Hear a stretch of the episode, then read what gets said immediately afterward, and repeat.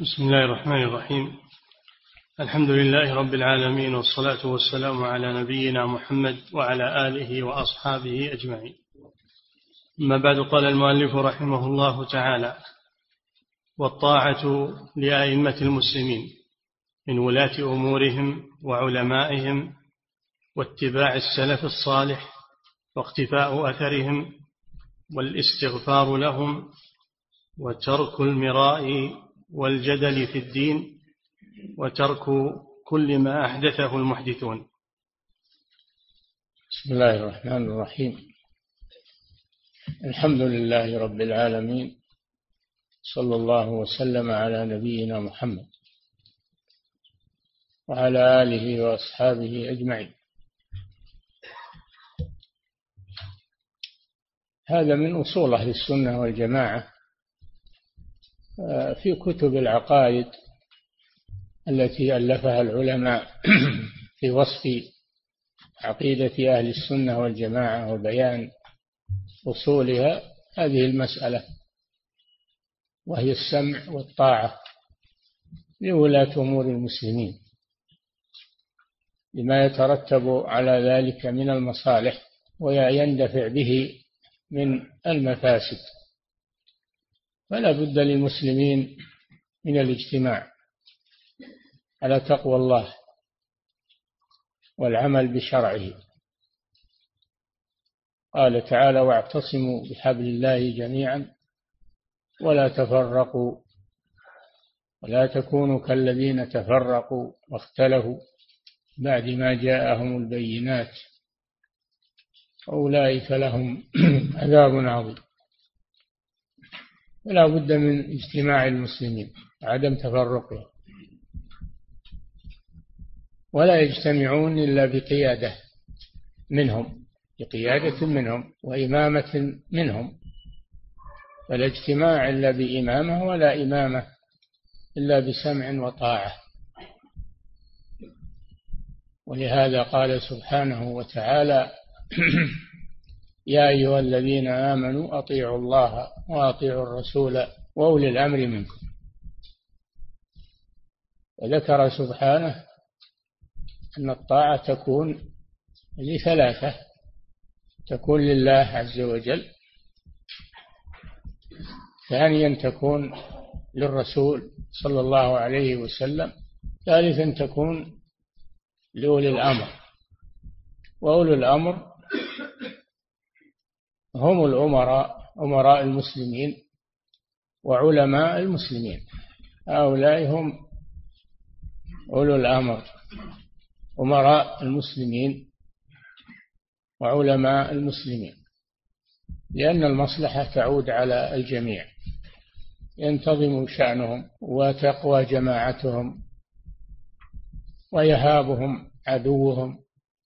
هذا ما أمر الله به عز وجل. وأمر به رسوله صلى الله عليه وسلم. لما وعظ أصحابه موعظة بليغة وجلت منها القلوب وذرفت منها العيون قالوا يا رسول الله كأنها موعظة مودع. فأوصنا. قال أوصيكم بتقوى الله والسمع والطاعة وإن تأمر عليكم عبد. فإنه من يعش منكم فسيرى اختلافا كثيرا. فعليكم بسنتي وسنة الخلفاء الراشدين المهديين من بعدي تمسكوا بها وعضوا عليها بالنواجذ وإياكم ومحدثات الأمور. فإن كل محدثة بدعة وكل بدعة ضلالة. هذه وصية الرسول صلى الله عليه وسلم لأمته وهي ما أوصى الله به في كتابه في قوله واعتصموا بحبل الله جميعا ولا تفرقوا وفي قوله يا أيها الذين آمنوا أطيعوا الله وأطيعوا الرسول وأولي الأمر منكم فإن تنازعتم في شيء فردوه إلى الله والرسول والرد إلى الله والرسول الرد إلى الكتاب والسنة. على أيدي العلماء لأن العلماء من أولي الأمر هم أولو الأمر في العلم والأم والأمراء أولو الأمر بالسلطة ولا بد للمسلمين من علم وسلطة لا بد من الاثنين. فالعلم هذا للعلماء والسلطة للأمراء أمراء المسلمين. لا يستقيم أمر المسلمين إلا بهذا في كل زمان ومكان. نعم. والطاعة لأئمة المسلمين من ولاة أمورهم وعلمائهم. نعم. واتباع السلف الصالح واقتفاء ذلك من أصول أهل السنة والجماعة اتباع السلف الصالح. والسلف الصالح هم الصحابة والتابعون وأتباع التابعين ومن سار على نهجهم. إلى يوم القيامة. هؤلاء هم السلف الصالح الصحابة والتابعون وأتباع التابعين ومن سار على نهجهم. كما قال جل وعلا والسابقون الأولون من المهاجرين والأنصار والذين اتبعوهم بإحسان. رضي الله عنهم ورضوا عنه. وأعد لهم جنات تجري تحتها الأنهار خالدين فيها أبدا. ذلك الفوز العظيم الذين اتبعوهم.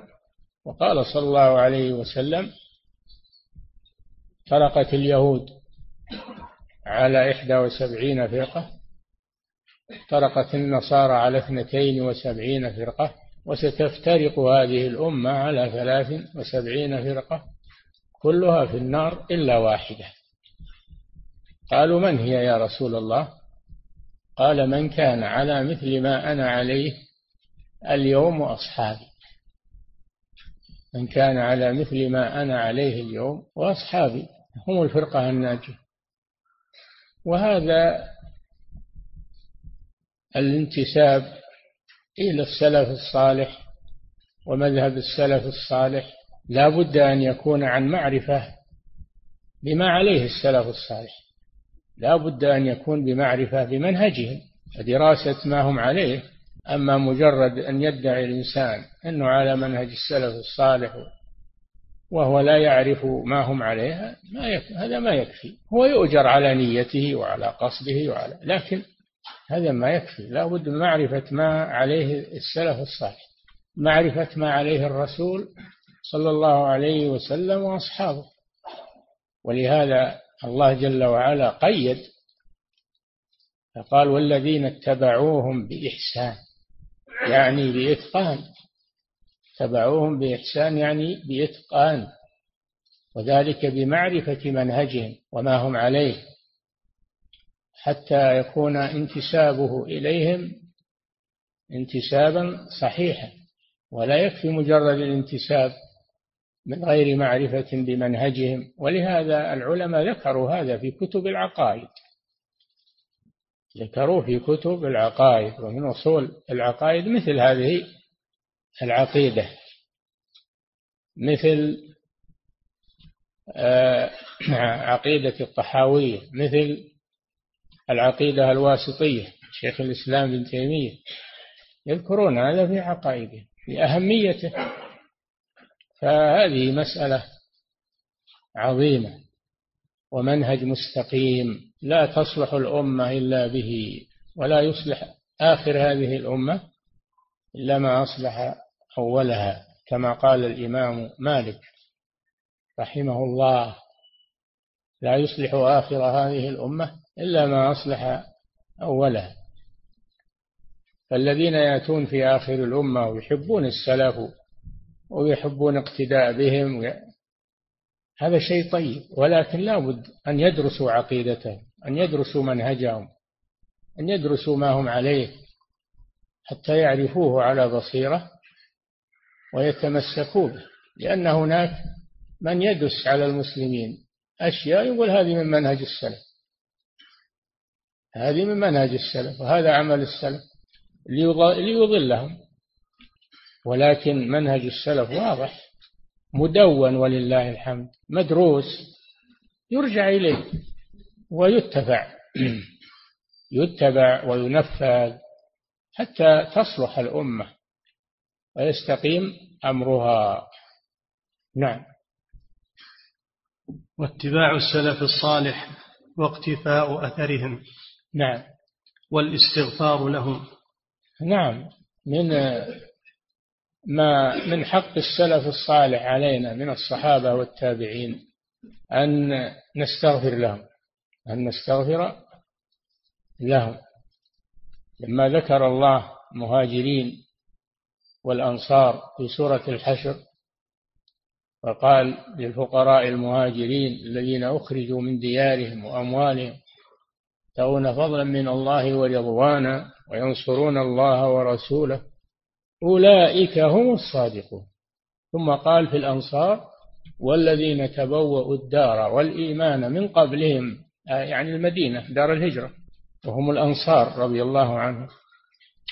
والذين تبوأوا الدار والإيمان من قبلهم يحبون من هاجر إليهم ولا يجدون في صدورهم حاجة مما أوتوا ويؤثرون على أنفسهم ولو كان بهم خصاصة ومن يوق شح نفسه فأولئك هم المفلحون. ثم قال في الذين جاءوا من بعدهم والذين جاءوا من بعدهم من بعد من بعد المهاجرين والأنصار يقولون ربنا اغفر لنا ولإخواننا يستغفرون لهم يقولون ربنا اغفر لنا ولإخواننا الذين سبقونا بالإيمان ولم يكتفي بأنهم يقولون ربنا اغفر لنا ولإخواننا. بل قال ولا تجعل في قلوبنا غلا. يعني بغضا كراهية للذين آمنوا. ربنا إنك رؤوف رحيم. ولهذا قال شيخ الإسلام ابن تيمية رحمه الله في العقيدة الواسطية ومن أصول أهل السنة والجماعة سلامة قلوبهم وألسنتهم لأصحاب رسول الله صلى الله عليه وسلم. سلامة قلوبهم من البغض والكراهية لأن الذي يبغض الصحابة ويكرههم هذا منافق وليس بمؤمن. منافق ليس بمؤمن. سلامة قلوبهم وألسنتهم فلا يتكلمون في الصحابة ولا يتنقصونهم. ولا يتلمسون لهم العيوب وإنما يستغفرون لهم ويترضون عنهم ويحبونهم ويقتدون بهم. هذا منهج أهل السنة والجماعة مع صحابة رسول الله صلى الله عليه وسلم. الاقتداء بهم والسير على منهجهم وسلامة القلوب من بغضهم وسلامة الألسنة من سبهم والقدح فيهم أو في أحد منهم. هذا هو منهج الكتاب والسنة ومنهج أهل السنة والجماعة ولا يستقيم أمر الأمة إلا بهذا. أما إذا تنكر المتأخرون لمن سبقهم وأنكروا فضلهم وسابقتهم ورموهم بالجهل والغباوة غير ذلك فهذا ضلال ضياع وعدم تمسك بكتاب الله وسنة رسوله صلى الله عليه وسلم. الله جل وعلا قال واعتصموا بحبل الله جميعا ولا تفرقوا. جميعا من أول الأمة إلى آخرها تمسكون بحبل الله وهو الكتاب والسنة ولا يتفرقون في ذلك. وإن اختلفوا في المسائل الاجتهادية فإنهم يرجعون إلى الكتاب والسنة. فإن تنازعتم في شيء فردوه إلى الله والرسول. لأن النزاع لا بد بيحصل الاختلاف في المسائل الاجتهادية الفقهية لا بد يحصل. لكن الذي يضبط المنهج الصحيح هو أن تعرض الأقوال على الكتاب والسنة فما وافق الكتاب والسنة فهو حق وما خالفها فهو خطأ. ما خالفها فهو خطأ. فيؤخذ بالصواب ويترك الخطأ. هذا من ولا نتعصب لقول أحد دون أحد. إنما علينا أن نزن أقوال المختلفين من قبلنا أو المعاصرين لنا نعرضها على كتاب الله وسنة رسوله صلى الله عليه وسلم. فما وافق الكتاب والسنة فهو حق وما خالفها فهو خطأ. ولو كان صاحبه ما قصد الخطأ لكن طريقته خطأ. وإذا اجتهد الحاكم وأصاب فله أجران وإذا اجتهد وأخطأ فله أجر واحد أجر على اجتهاده. والخطأ مغفور ولله الحمد. إنما التعصب للمذهب أو للقول أو للشخص من غير من غير دليل هذا هو المذموم. هذه عصبية جاهلية ولا تجوز. واجب أن المؤمن يزن أقواله وأفعاله وتصرفاته يزنها بالكتاب والسنة. إن كان يحسن هو الرجوع إلى الكتاب والسنة الحمد لله. وإلا فإنه يسأل أهل العلم. يبين له الخطأ من الصواب. هذا هو المنهج السليم. لهذه الأمة ولا تصلح هذه الأمة إلا بذلك. نعم. وترك المراء والجدل ترك المراء والجدل. من أصول أهل السنة والجماعة ترك المراء والجدل. الهدف هو البحث عن الحق. وأما أننا نتجادل ونفرغ وقتنا وطاقتنا في الجدال العقيم والانتصار لقول فلان وعلان هذا يضر ولا ينفع. نعم. وترك المراء والجدل في الدين وترك المراء والجدل في الدين. الدين ما فيه مراء ولا جدل. الدين هو الكتاب والسنة ولا فيه اختلاف ولا ولا, ولا مراء ولا جدل. ما الداعي لهذا؟ ولا يحسم هذا إلا الكتاب والسنة. ولا يستفيد من الكتاب والسنة إلا أهل العلم. يسألون عن ذلك. يرجع إلى المراجع من أهل العلم. نعم. وترك المراء والجدل في الدين وترك كل ما أحدثه المحدثون. كل ما أحدثه المحدثون بعد السلف الصالح من الأقوال والأفعال والعقائد. فإذا كان ذلك مخالفا للكتاب والسنة وما عليه سلف الأمة فلا بد من تركه. لا بد من تركه. وليس في هذا غضاضة على من أخطأ أن يرجع إلى الصواب بل هذه فضيلة. هذه فضيلة الرجوع إلى الحق فضيلة. نعم. وترك كل ما أحدثه المحدثون وصلى الله على سيدنا محمد نبيه وعلى آله وأزواجه وذريته وسلم تسليما كثيرا. نعم ختم هذه الرسالة القيمة بالصلاة والسلام على الرسول صلى الله عليه وسلم. لأن هذا الختام واجب الصلاة والسلام على الرسول صلى الله عليه وسلم. وقوله تعالى إن الله وملائكته يصلون على النبي. يا أيها الذين آمنوا صلوا عليه وسلموا تسليما. هذا من حقه علينا عليه الصلاة والسلام أن نصلي ونسلم عليه عند ذكره عندما نكتب كتابا نختمه بالصلاة والسلام على الرسول صلى الله عليه وسلم.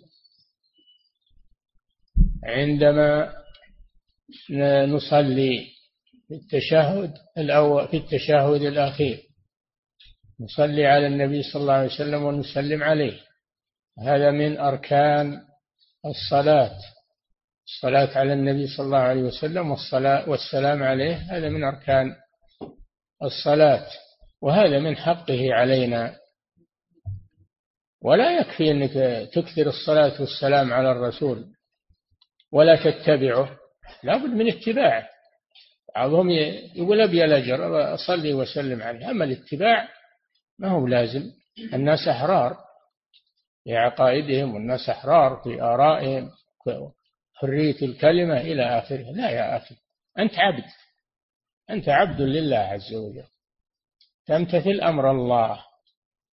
تمتثل أمر ربك. أنت لست حرا بمعنى أنك تفعل ما تشاء. أنت حر بمعنى أنك ت... أنك لا تأخذ المناهج والأقوال على علاتها أنت حر أنك تميز بينها تأخذ الصحيح تترك الخطأ. هذه الحرية الصحيحة. الحرية الصحيحة باتباع الكتاب والسنة. لأنهما يحرران الكتاب والسنة ومنهج السلف تحرر من الأفكار الخبيثة والأفكار الضائعة وأعظم ذلك تحرر من الشرك. وتحرر من البدع والمخالفات هذه الحرية الصحيحة ليس الحرية أنك تنطلق على حسب هواك وتزكي نفسك لا هذه ما هي بحرية. هذه بهيمية وهذه هي العبودية. فرأيت من اتخذ إلهه هواه؟ وأضله الله على علم. هذا عبد لهواه. اتخذ إلهه أي معبوده هواه. فما يسوغه هواه يأخذ به وما يخالف هواه يرفضه كاليهود. أو كلما جاءكم رسول بما لا تهوى أنفسكم استكبرتم بما لا تهوى أنفسكم استكبرتم ففريقا كذبتم وفريقا تقتلون. يعني من الأنبياء. بعض الأنبياء كذبوه ومعهم قتلوه. هذا شأن اليهود. قبحهم الله. قتلت الأنبياء. ليه؟ لأنهم يردونهم إلى الحق وهم يريدون الانطلاق على أهوائهم. وهم لا يريدون هذا. فالحرية الصحيحة هي اتباع الكتاب والسنة لأنهما يحرران العقول ويحرران العبيد من الأهواء ومن الشهوات ومن الأفكار. ومن الآراء الضالة والشاذة بل يحرران الناس من عبادة الأشجار والأحجار والشيطان والطواغيت. حررانها. هذه الحرية الصحيحة. اتباع الكتاب والسنة. وأما مخالفة الكتاب والسنة فهذه عبودية وليست حرية. يكونون عبيد أهوائهم. وعبيد أفكارهم ورغباتهم وعبيد من قلدوهم على ضلال. نعم. صلى الله على سيدنا محمد نبيه وعلى آله وأزواجه وذريته وسلم تسليما على آله آل الرسول صلى الله عليه بعد أن صلى وسلم على الرسول صلى وسلم على آله وهم قرابته. هم المؤمنون من قرابته صلى الله عليه وسلم. المؤمنون من قرابته. الذين تحرم عليهم الزكاة وهم آل العباس وآل علي وآل عقيل وآل جعفر. هؤلاء هم قرابة الرسول صلى الله عليه وسلم وهم آله. وكذلك من آله أتباعه. أتباعه على دينهم من آله. فكل من اتبع الرسول صلى الله عليه وسلم وآمن به فهو من آله لكنه ليس من قرابته. فالآل على قسمين قسم هم القرابة وقسم هم الأتباع له على دينه. والقرابة جمعت بين الفضيلتين فضيلة القرابة وفضيلة الاتباع. أما غير القرابة فأخذ فضيلة الاتباع والإيمان فقط لأنه لا قرابة له مع الرسول صلى الله عليه وسلم ولكن هو من آله بمعنى أتباعه على دينه. وأصحابه خص الصحابة داخلون في الآل بمعنى الأتباع داخلون في الآل بمعنى الأتباع ولكنه ذكرهم آه، على انفراد ذكرهم على انفراد لأجل الاهتمام بحقهم عليهم رضي الله عنهم.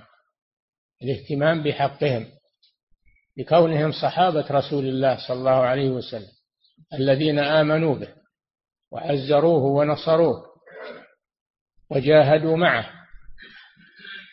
فهم لهم الفضل على هذه الأمة فضل الصحبة.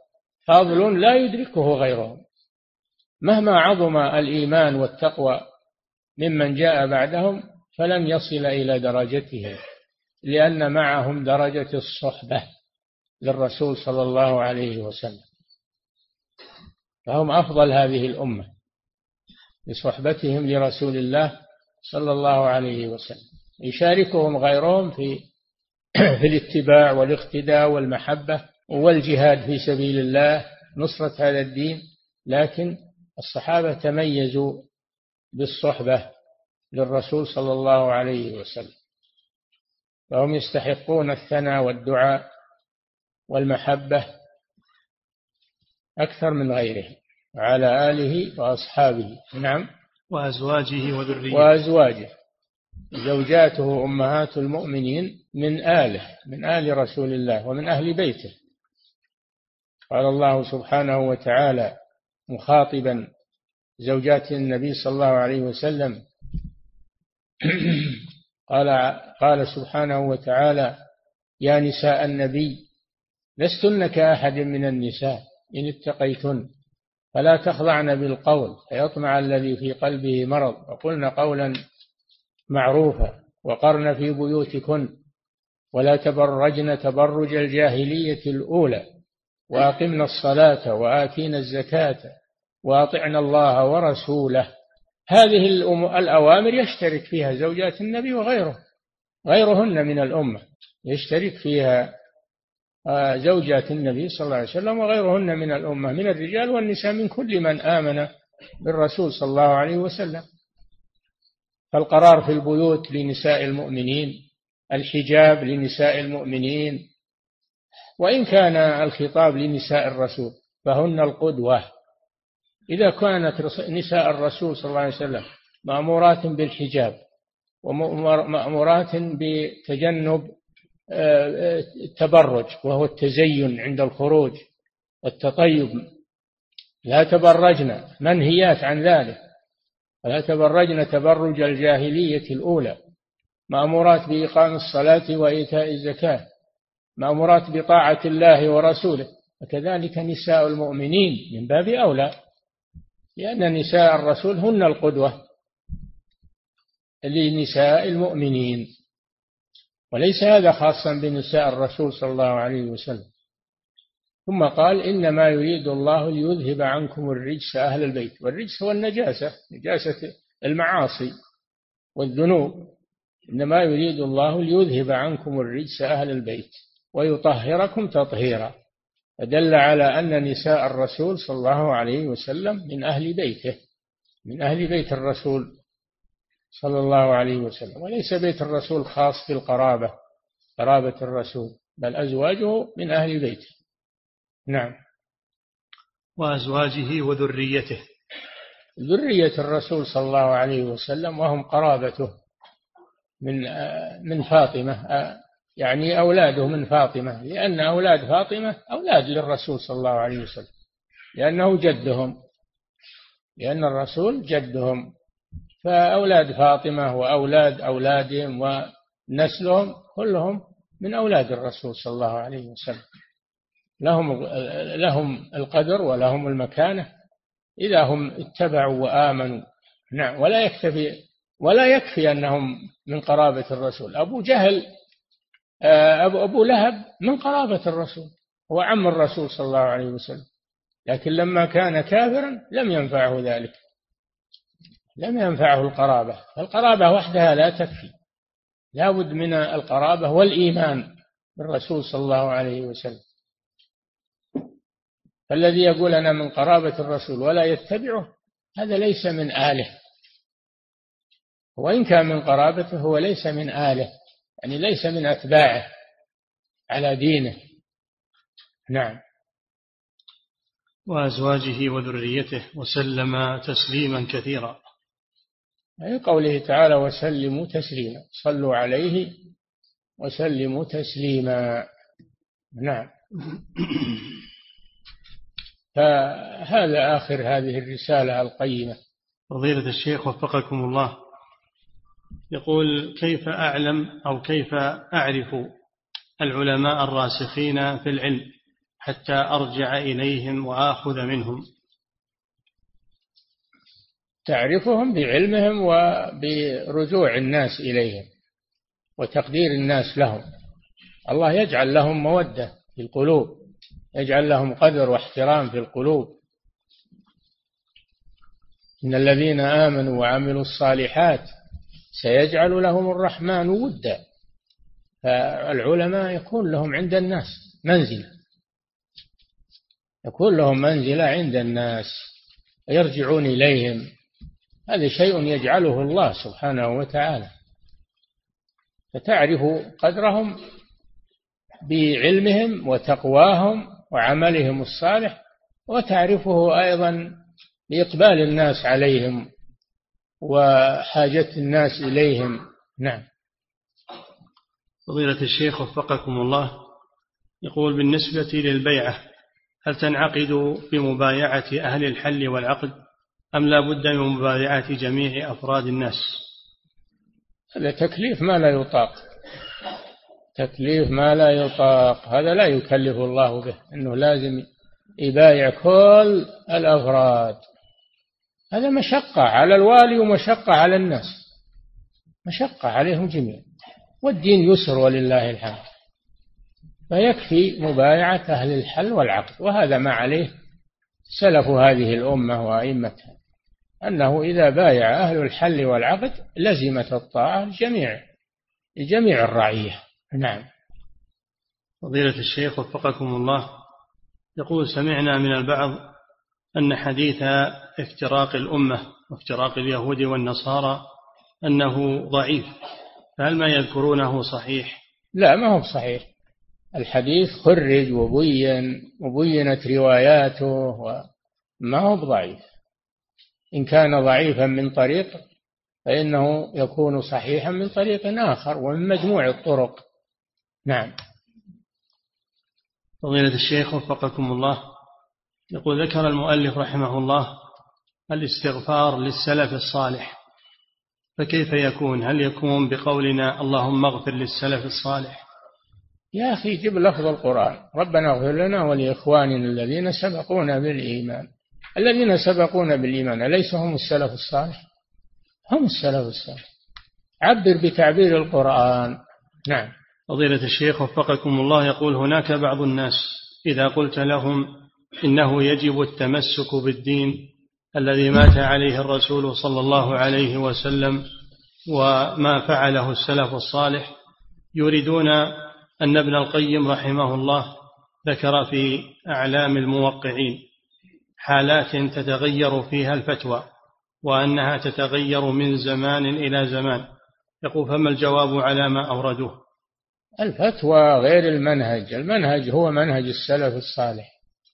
وأما الفتوى اللي هي الاجتهادية الاجتهادية يجتهد العالم ثم يفتي ثم يبلغه من العلم بعد ذلك ما لم يبلغه من قبل أو يتبين له ما لم يتبين له من قبل فيفتي بفتوى أخرى على حسب ما يظهر له. ما هو بيجمد على فتوى الأولى فقط.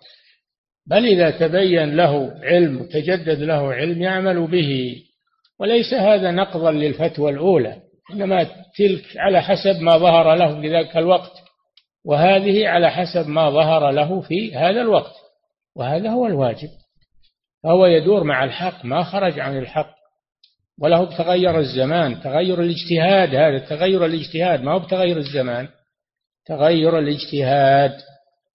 العالم يتبين له في وقت ما لم يتبين له في وقت آخر. ولا يجمد على ما قال بل يتحرك ويتحرى الحق. وإذا تبين له أن أن أن هذا أن هذه الفتوى أرجح من الأولى يأخذ بها. والاجتهاد لا ينقض بالاجتهاد كما يقولون. الأولى صحيحة وهذه صحيحة أيضا. نعم. فضيلة الشيخ وفقكم الله. لما قضى عمر رضي الله عنه في مسألة من مسائل الفرائض بقضاء خالف قضاءه السابق. قيل له في ذلك قال ذاك على ما قضينا وهذا على ما نقضي. ما قال قضاءنا الأول باطل أو هذاك على ما قضينا في وقته حسب ما ظهر لنا وهذا على ما نقضي الآن حسب ما ظهر لنا. نعم. فضيلة الشيخ وفقكم الله يقول السائل ما منهج أهل السنة والجماعة والسلف الصالح من القصاصين؟ وهل الإكثار من القصص الواقعية هي طريقة مشروعة في الدين؟ يكفينا الكتاب والسنة وإذا جيء بقصص صحيح يشهد له معنى الآية ومعنى الحديث فبها ونعمت أما يكون شغلنا القصص دائما السلف حذروا من القصاصين. حذروا من القصاصين لأنه يغلب عليهم الكذب يغلب عليهم لأجل لأجل أن يؤثروا على الناس فيأتون بأشياء يؤثرون بها على الناس وإن لم تكن صحيحة. يقولون قصدنا ترقيق القلوب قصدنا لا ما يصلح هذا. الله قص علينا في القرآن قص علينا الرسول صلى الله عليه وسلم في السنة. وإذا حدثت قصة تشبه ما جاء في القرآن أو في السنة يؤتى بها. نعم. فضيلة الشيخ وفقكم الله. يقول يظن البعض أن العالم هو الذي يحفظ الكتب الستة وغيرها من كتب العلم وكتب الفقه. فهل ذلك صحيح؟ العلم ما هو بالحفظ يا إخوان. الحفظ وسيلة ما هو ما هو العلم. العلم العلم هو الفقه والفهم. وأما الحفظ فهو وسيلة إلى العلم. كم من حافظ وهو ما يفهم شيء. ما يفهم شيء. يحفظ لكن ما يفهم شيء. لأنه لم يتفقه. إنما همه بالحفظ فقط. الحفظ ما يكفي. هو ما نزهد في الحفظ. الحفظ طيب. لكن لا يقف الإنسان عنده. لا بد أن يتفقه في دين الله ويفهم معنى ما يحفظ على الوجه الصحيح. فيجمع بين الحفظ والفقه. لا بد من هذا. نعم. فضيلة الشيخ وفقكم الله. يقول هل هناك فرق بين مذهب بين مذهب السلف الصالح وبين المذاهب الأربعة؟ المذاهب الأربعة هي من مذهب السلف الصالح. ما خرجت عنه. لو خرجت عنه ما قبلت. فهي تمشي على منهج السلف الصالح والحمد لله. نعم. فضيلة الشيخ وفقكم الله الذي يخالف السلف في مسألة من مسائل الإيمان كمسائل الإرجاء وغيرها هل يصير مخالفا لمنهج السلف ولا يكون منهم؟ نعم إذا خالفهم في مسائل الإيمان مسائل الإيمان لابد من اتباع السلف فيها. إذا خالفهم في الإرجاء أو خالفهم في في الجبر مذهب الخوارج أو خالفهم في مذهب المعتزلة فليس منهم ليس من السلف. نعم. يصير ممن انتسب إليه. إن كان انتسب إلى مذهب الخوارج فهو خارج. إن انتسب إلى مذهب المعتزلة فهو معتزلي إن, خا... إن... إن انتسب إلى مذهب المرجئة فهو مرجئ. نعم. فضيلة الشيخ وفقكم الله يقول السائل في بلدي هناك بعض الإخوة إذا وجدوا من ليس على منهج إذا وجدوا من ليس على منهج السلف الصالح فإنهم يتكلمون فيه بكلمات ويذكرون أوصافا له سيئة ويقولون ليس لهؤلاء عرض فيجوز غيبتهم. فهل هذا صحيح؟ لا ما هو صحيح. هل من منهج السلف الصالح الكلام في الناس تجريح الناس والحط من قدر المخالفين؟ هذا ليس من منهج السلف الصالح. ليس من منهج السلف الصالح. وكما قلت لكم الذي ينتسب إلى منهج السلف الصالح لا بد أن يدرس منهجهم ويعرف منهجهم. ما يكفي الانتساب فقط. السلف الصالح ما كانوا يجرحون ويسبون ويغتابون في المجالس ما كانوا يفعلون هذا. إنما يناصحون. النصيحة لا الفضيحة النصيحة لا الفضيحة. هذا مذهب السلف الصالح. نعم. فضيلة الشيخ وفقكم الله يقول لماذا ندرس كتب الفقه مع أن الأحاديث النبوية تغني عنها وقد نهانا الأئمة عن الاشتغال بكلامهم عن السنة؟ يا إخوان الفقه هو معنى هو معنى السنة. هو من معاني الأحاديث. مأخوذ من الأحاديث. ما أخذ من الفلسفة ولا من قول آه، علماء الكلام ولا من أفكار الناس مأخوذ من الأحاديث لكن قد يقع فيه خطأ قد يقع فيه خطأ في الفهم في الفقه أو في الفهم أو في الأقوال. وأما في الجملة فمذهب المذاهب الأربعة هي من مذهب السلف ولله الحمد وهم تلاميذ السلف. نعم. فضيلة الشيخ وفقكم الله. يقول هل هناك فرق بين المراء والجدل؟ وهل هناك ما هو مباح من الجدل؟ الجدل هو المناظرة والله أمر بالمجادلة بالتي هي أحسن. قال جل وعلا وجادلهم بالتي هي أحسن لأجل يتبين الحق ويعرف المخطئ خطأه. لا بد من من المجادلة لكن تكون بالتي هي أحسن. هكذا. وأما المراء فهو لا ليس هو من الجدل. المراء يراد به التكبر والانتصار للرأي و أو آه، التعصب لبعض الآراء. فالمراء أشد من الجدل. الجدل يحتاج إليه أحيانا ولكن المراء لا يحتاج إليه ولا يصلح. نعم. فضيلة الشيخ وفقكم الله. يقول ما الرد على من يقول إن الرسول صلى الله عليه وسلم ليس بميت والدليل أننا عندما نسلم الرد عليه قل وين الرسول؟ اللي تقول ما هو ميت وين هو؟ يوم كان حي وهو يمشي معنا ويجلس معنا ويغزو ويجاهد. الآن وين راح؟ وين راح؟ له حي شفناه واشتغل معنا مثل ما كان مع أصحابه أيضا الرسول أليس الرسول دفن؟ هو الحي يدفن. ها؟ الحي يدفن. ما يدفن. الرسول دفن. دفنه أصحابه رضي الله عنهم مثل ما يدفن غيره. أيضا أعلى من هذا قوله تعالى إنك ميت وإنهم ميتون. ثم إنكم يوم القيامة عند ربكم تختصمون. وأعم أيضا من هذا قوله تعالى كل نفس ذائقة الموت. كل نفس.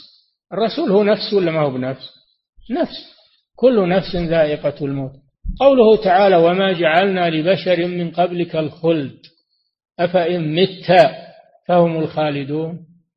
وما محمد إلا رسول قد خلت من قبله الرسل أفإن مات أو قتل انقلبتم على أعقابكم.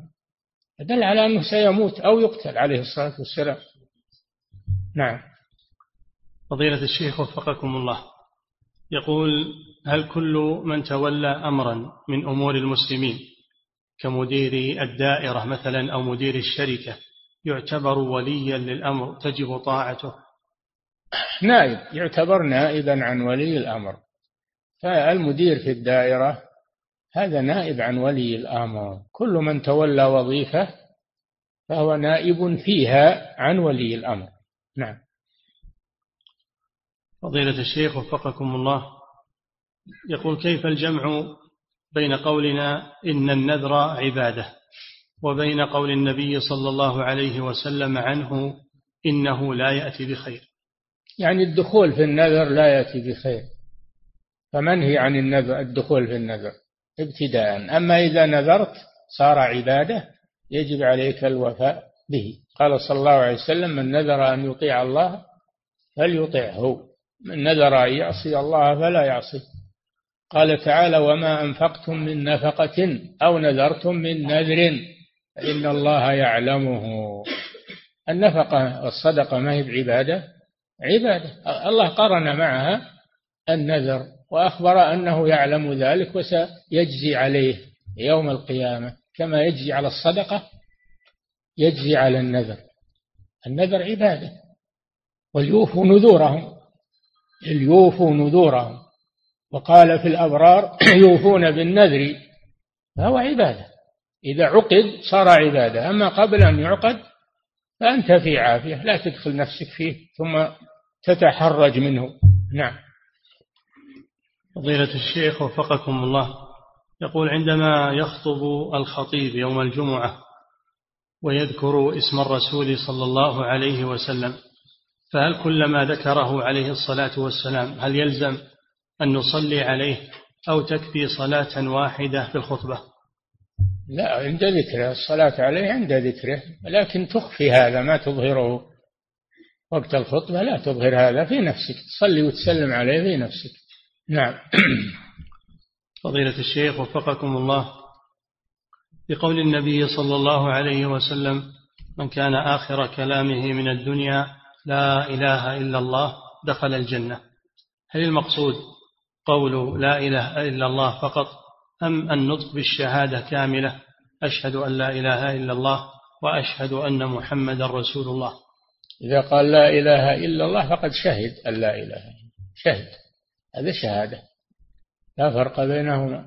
نعم. فضيلة الشيخ وفقكم الله يقول السائل ما الدليل على كفر من صرف شيئا من أنواع العبادة لغير الله؟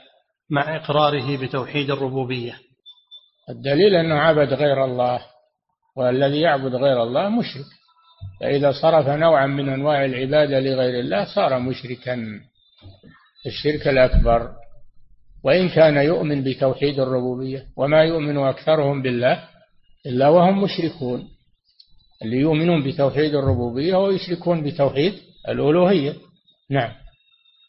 فضيلة الشيخ وفقكم الله. يقول السائل يقول أكثر أهلي ينتمون إلى الطريقة التيجانية الصوفية ويحتفلون بالمولد النبوي ويفعلون بدعا كثيرة ويقولون إننا نحن لا نحب النبي صلى الله عليه وسلم فلذلك لا نحتفل بمولده وأنهم هم المحبون له عليه الصلاة والسلام. يقول كيف الجواب عما ذكروه؟ إيش يقول؟ يقول إن أهلي ينتمون إلى الطريقة التيجانية الصوفية نعم. ويحتفلون بالمولد النبوي ويفعلون بدعا كثيرة ويقولون يعني في المولد. نعم.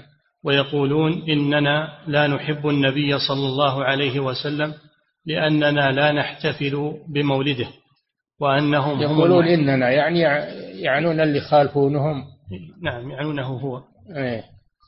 يقولون اللي ما يحتفل بالمولد ما يحب الرسول. إيه. قل لهم اللي يحب الرسول يتبعه. الرسول ما سن لنا المولد ولا فعله ولا فعله أصحابه. فإذا تحب الرسول فلا تعمل المولد لأن الرسول نهى عن البدع وهذا من البدع. نعم. اختصر الطريق عليه. نعم. فضيلة الشيخ وفقكم الله. يقول ما الطريق الأفضل لنشر المنهج السلفي عند الناس؟ لا سيما في بلدي ومن خارج البلاد. الطريق الأسلم التعليم تعليم المنهج السلفي تدريسه في المساجد في المدارس في في المحاضرات. هذا هو الطريق الأسلم. أما أنك تدعو المذهب السلف ولا تدرسه ولا تشرحه لهم هذا ما يكفي. نعم. فضيلة الشيخ وفقكم الله. يقول إذا اجتهد الصحابي رضي الله عنه في مسألة من المسائل ووجد الدليل مع آخرين من الصحابة فهل يبين هذا الخطأ الذي وقع فيه الصحابي؟ يؤخذ بالدليل ولا يتعرض للصحابي الذي عنده خطأ كما تقول ما يتعرض له يؤخذ بالدليل والحمد لله. نعم. فضيلة الشيخ وفقكم الله يقول ما حكم مشاهدة الأفلام؟ والمسلسلات التي فيها شرك وسحر. وهل من شاهد هذه الأفلام يكون كمن يذهب إلى الساحر فلا تقبل له صلاة؟ لا يجوز مشاهدتها إلا لمن عنده علم ويريد أن ينبه عليها ويحذر منها ويرد عليها. أما من لا يرد عليها ولا يحذر منها فلا يجوز له أن يشاهدها. نعم. ويقول هذا يقول حفظكم الله ذكرتم في درس سابق أن مشاهدة أعمال السحرة في التلفاز أو غيره لا تجوز. ولكن حفظك الله يقول عندما نسافر أحيانا إلى بعض البلاد يكون هناك سحرة في الشوارع يعرضون أعمالهم ويطلبون من الحاضرين أن يتقدم أحدهم لتطبق عليه أعمال السحر. فأقوم أنا فأتقدم قاصدا إبطال سحرهم. فأقرأ أورادي فيبطل سحرهم. يقول فأقرأ أورادي الشرعية فيبطل سحرهم. فهل فعلي هذا جائز؟ إذا كان كما تقول أنه إذا تقدمت وقرأت القرآن يبطل سحره هذا طيب. هذا طيب. نعم. هذا رد له. نعم. فضيلة الشيخ وفقكم الله يقول هل صحيح أن الله سبحانه وتعالى لا يقبل أعمال العبد الصالحة إذا كان قاطعا لرحمه. لا يمهل. جاء في الحديث أمهلوا هذين حتى يصطلحا. يمهل في قبوله ويمهل في المغفرة له حتى يصطلحا. نعم. فضيلة الشيخ وفقكم الله يقول كيف الجمع بين كون الله سبحانه وتعالى مستو على عرشه؟ وبين ما ورد أنه ينصب وجهه أمام المصلي. وهو على عرشه ينصب وجهه وهو على عرشه سبحانه وتعالى. والله لا يقاس بخلقه. الله لا يقاس بخلقه. ينصب وجهه كيف يشاء سبحانه هو القادر على كل شيء. نعم. هذا السؤال عن الكيفية. نحن ما نعلم الكيفية. نعم. فضيلة الشيخ وفقكم الله يقول السائل عندنا في بلدنا عندما يعتدي شخص على آخر أو تحدث مشكلة فإنه يجتمع وجهاء البلد فيحكمون على المعتدي أن يدفع مالا ويسمى جلسة عرب. فهذا عرب. ها؟ عرب. عربي؟ عرب من العرب. عرب؟ نعم. أيه. قل هل هذا يندرج تحت المجالس العرفية وما حكمه شرعا؟ لا يجوز هذا. إذا كان في هذه البلاد والحمد لله البلاد فيها محاكم في كل في كل بلد فيها محكمة شرعية. يذهبون إلى المحكمة. لا يجوز أن يحكم بالعرف أو بالأعراف القبلية. هذا من حكم بالطاغوت ولا يجوز هذا. نعم. فضيلة الشيخ وفقكم الله. يقول ما حكم قول القائل ضع يدك في يد الله ويريد بذلك التعبير عن الجد. إلى الآخرة. لا ما ورد هذا. ما, ما نأتي بشيء لم يرد. ضع يدك في يد الله ما, ما نقول هذا. لأن هذا لم يرد. نعم. فضيلة الشيخ وفقكم الله يقول رجل استخدم رجل رجل استخدم خادمة فرفضت أن تعمل عنده فهل له حق أن ينقل كفالتها مقابل مبلغ يدفع له؟ هذا عند عند نظام الاستقدام عند وزارة العمل. يذهب إليهم ويطبقون عليه النظام. نعم. فضيلة الشيخ وفقكم الله يقول أخي يؤذن في قرية في أحد المساجد وقد يكون في صلاة الفجر فلا يأتيه أحد فما الواجب عليه؟ علما بأن المساجد الأخرى بعيدة عليه أنه ينصحهم ويذكرهم بالله ويعظهم لعلهم تحيا قلوبهم ويأتون. يحاول معهم يحاول معهم النصيحة والموعظة يبلغهم أحاديث الرسول صلى الله عليه وسلم. يقول لهم أنتم مسلمون تريدون النجاة أطيعوا الله ورسوله احضروا الصلاة ويبين لهم هذا. لعل الله يهديهم. وإذا كان هناك سلطة تأخذ على أيديهم يذهب إلى إلى من يستدعيهم ويتعاهد معهم ويلزمهم بالصلاة. نعم. فضيلة الشيخ وفقكم الله. يقول السائل هناك هناك فتيات يردن أن يقمن حفلة لزميلتهن المتزوجة قبل أسبوع ويكون فيها ضرب دف. فهل يجوز ذلك؟ لا لا ما يجوز. ضرب الدف إنما هو ليلة الزفاف فقط. ليلة الزفاف إعلانا للنكاح. نعم. أما في الولائم المستمرة أو المتأخرة لا. نعم. فضيلة الشيخ وفقكم الله يقول هل زوج الأخت يكون محرما إذا كان السفر قصيرا مدته ساعتين؟ العبرة بالمسافة ما بالزمان. العبرة بالمسافة. إذا كان السفر ثمانين كيلو فلا يجوز أن تسافر إلا مع محرم نعم.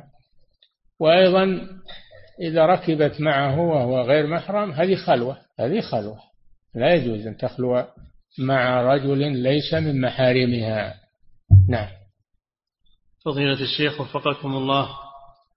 يقول السائل بماذا تنصحونني بارك الله فيكم حيث إنني أعاني من الوساوس التي تأتيني دوما؟ وساوس تعالج بذكر الله والإكثار من ذكر الله وتلاوة القرآن والاستعاذة من الشيطان أكثر من الاستعاذة من الشيطان لأن الوساوس من الشيطان من شر الوسواس الخناس قل أعوذ برب الناس ملك الناس إله الناس من شر الوسواس الخناس الذي يوسوس في صدور الناس من الجنة والناس وكذلك من العلاج أنك لا تهتم بالوسواس تتركه ولا تتحدث عنه ترفضه ولا تعمل به وسيذهب عنك بإذن الله. نعم. فضيلة الشيخ وفقكم الله. يقول والدي قد توفاه الله رحمه الله فهل يجوز زيارة قبره؟ وقراءة الفاتحة على روحه والدعاء له بالرحمة والمغفرة. الدعاء نعم الدعاء تدعو له بالمغفرة والرحمة وتسلم عليه. السلام عليك يا والدي وتدعو له هذا مشروع. أما قراءة القرآن هذه بدعة ما ورد أنه يقرأ القرآن على القبور لا الفاتحة ولا غيرها. نعم. فضيلة الشيخ وفقكم الله يقول لي جار نصراني. دائما ما ألتقي به أثناء الدخول والخروج من المنزل. فهل يجوز لي أن أبتدئه فأقول السلام عليكم؟ لا. لا تبتدئ اليهود والنصارى بالسلام. وإذا سلموا عليكم فقولوا وعليكم. نعم. ثم يقول وهل يجوز لي أن آكل من طعامه؟ إذا دخلت إلى منزله فقدم لي طعاما؟ لا بأس. إذا كان ما في شيء محرم لا بأس. الرسول صلى الله عليه وسلم أكل من طعام اليهود. لا وأجاب دعوتهم. لا بأس بذلك. إلا إذا كان فيه مادة محرمة لا. نعم. فضيلة الشيخ وفقكم الله. يقول من أسلم في عهد النبي صلى الله عليه وسلم ثم بعد, ثم بعد موت النبي عليه الصلاة والسلام ارتد عن الإسلام ثم أسلم وحسن إسلامه فهل يكون صحابيا؟ هذا على الخلاف. هذا على الخلاف. العلماء يقولون تبطل صحبته جماعة من العلماء يقولون تبطل صحبته بالردة ولا تعود إليه إذا تاب. والبعض الآخر يقول ترجع إليه بالتوبة ترجع إليه بالتوبة. إذا تاب إلى الله ترجع إليه الصحبة. يستدلون بقوله تعالى ومن يرتد منكم عن دينه فيمت وهو كافر.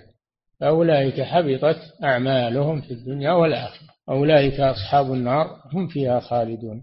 فرتب هذا على أمرين الارتداد والموت على ذلك. دل على أنه لو تاب قبل الموت أنها ترجع إليه صحبته. وهذا ترجحه شيخنا الشيخ عبد العزيز بن باز رحمه الله وهو مذهب الشافعي. نعم. فضيلة الشيخ وفقكم الله. يقول ذكر ابن كثير رحمه الله في قصص الأنبياء أن إدريس عليه الصلاة والسلام هو أول نبي. فهل هذا صحيح؟ هو أول نعم هو سابق هو سابق على نوح هو قبل نوح لكنه ليس رسولا هو نبي. آدم آدم نبي أيضا. فالكلام على أن أوحينا إليك كما أوحينا إلى نوح والنبيين من بعد هذا في الرسل. فنوح أول الرسل وليس آه، الأنبياء قبله أيضا. نعم. فضيلة الشيخ وفقكم الله يقول السائل عندما أردت الزواج بامرأة اشترط علي أو اشترط علي أهلها أن أسمح لها بالذهاب للابتعاث في الخارج مع أخيها وبعد زواج بعد زواجي بها. يقول فوافقت على شرطهم ولكن بعد الزواج تبين لي أن الأحسن عدم ذهابها. فامتنعت من ذلك فقيل لي إنني آثم وإن المسلمين على شروطهم. على شروطهم الصحيحة هذا شرط غير صحيح. هذا شرط غير صحيح. يسلمون على شروطهم الصحيحة. إلا شرطا ولهذا في آخر الحديث إلا شرطا أحل حراما أو حرم حلالا وهذا يحل حراما. وهو الدراسة في الخارج وذهاب المرأة إلى آخره. نعم. فضيلة الشيخ وفقكم الله. يقول إذا قام الإمام إلى ركعة خامسة في الرباعية فهل يجلس المأمومون وينتظرونه أو يسلمون ويفارقونه؟ إذا قام الإمام إلى ركعة خامسة في الرباعية. ليه ما ينبهونه؟ ينبهونه. سبحان الله سبحان الله. فإن أصر وهم وهم يتيقنون أنها زائدة ما يجوز لهم يتابعونه. ما يجوز لهم يتابعونه يستمرون على جلوسهم إن شاءوا سلموا لأنفسهم وإن شاءوا انتظروا وسلموا معه. نعم. انتهى. الله تعالى أعلم وصلى الله وسلم على نبينا محمد وعلى آله وصحبه.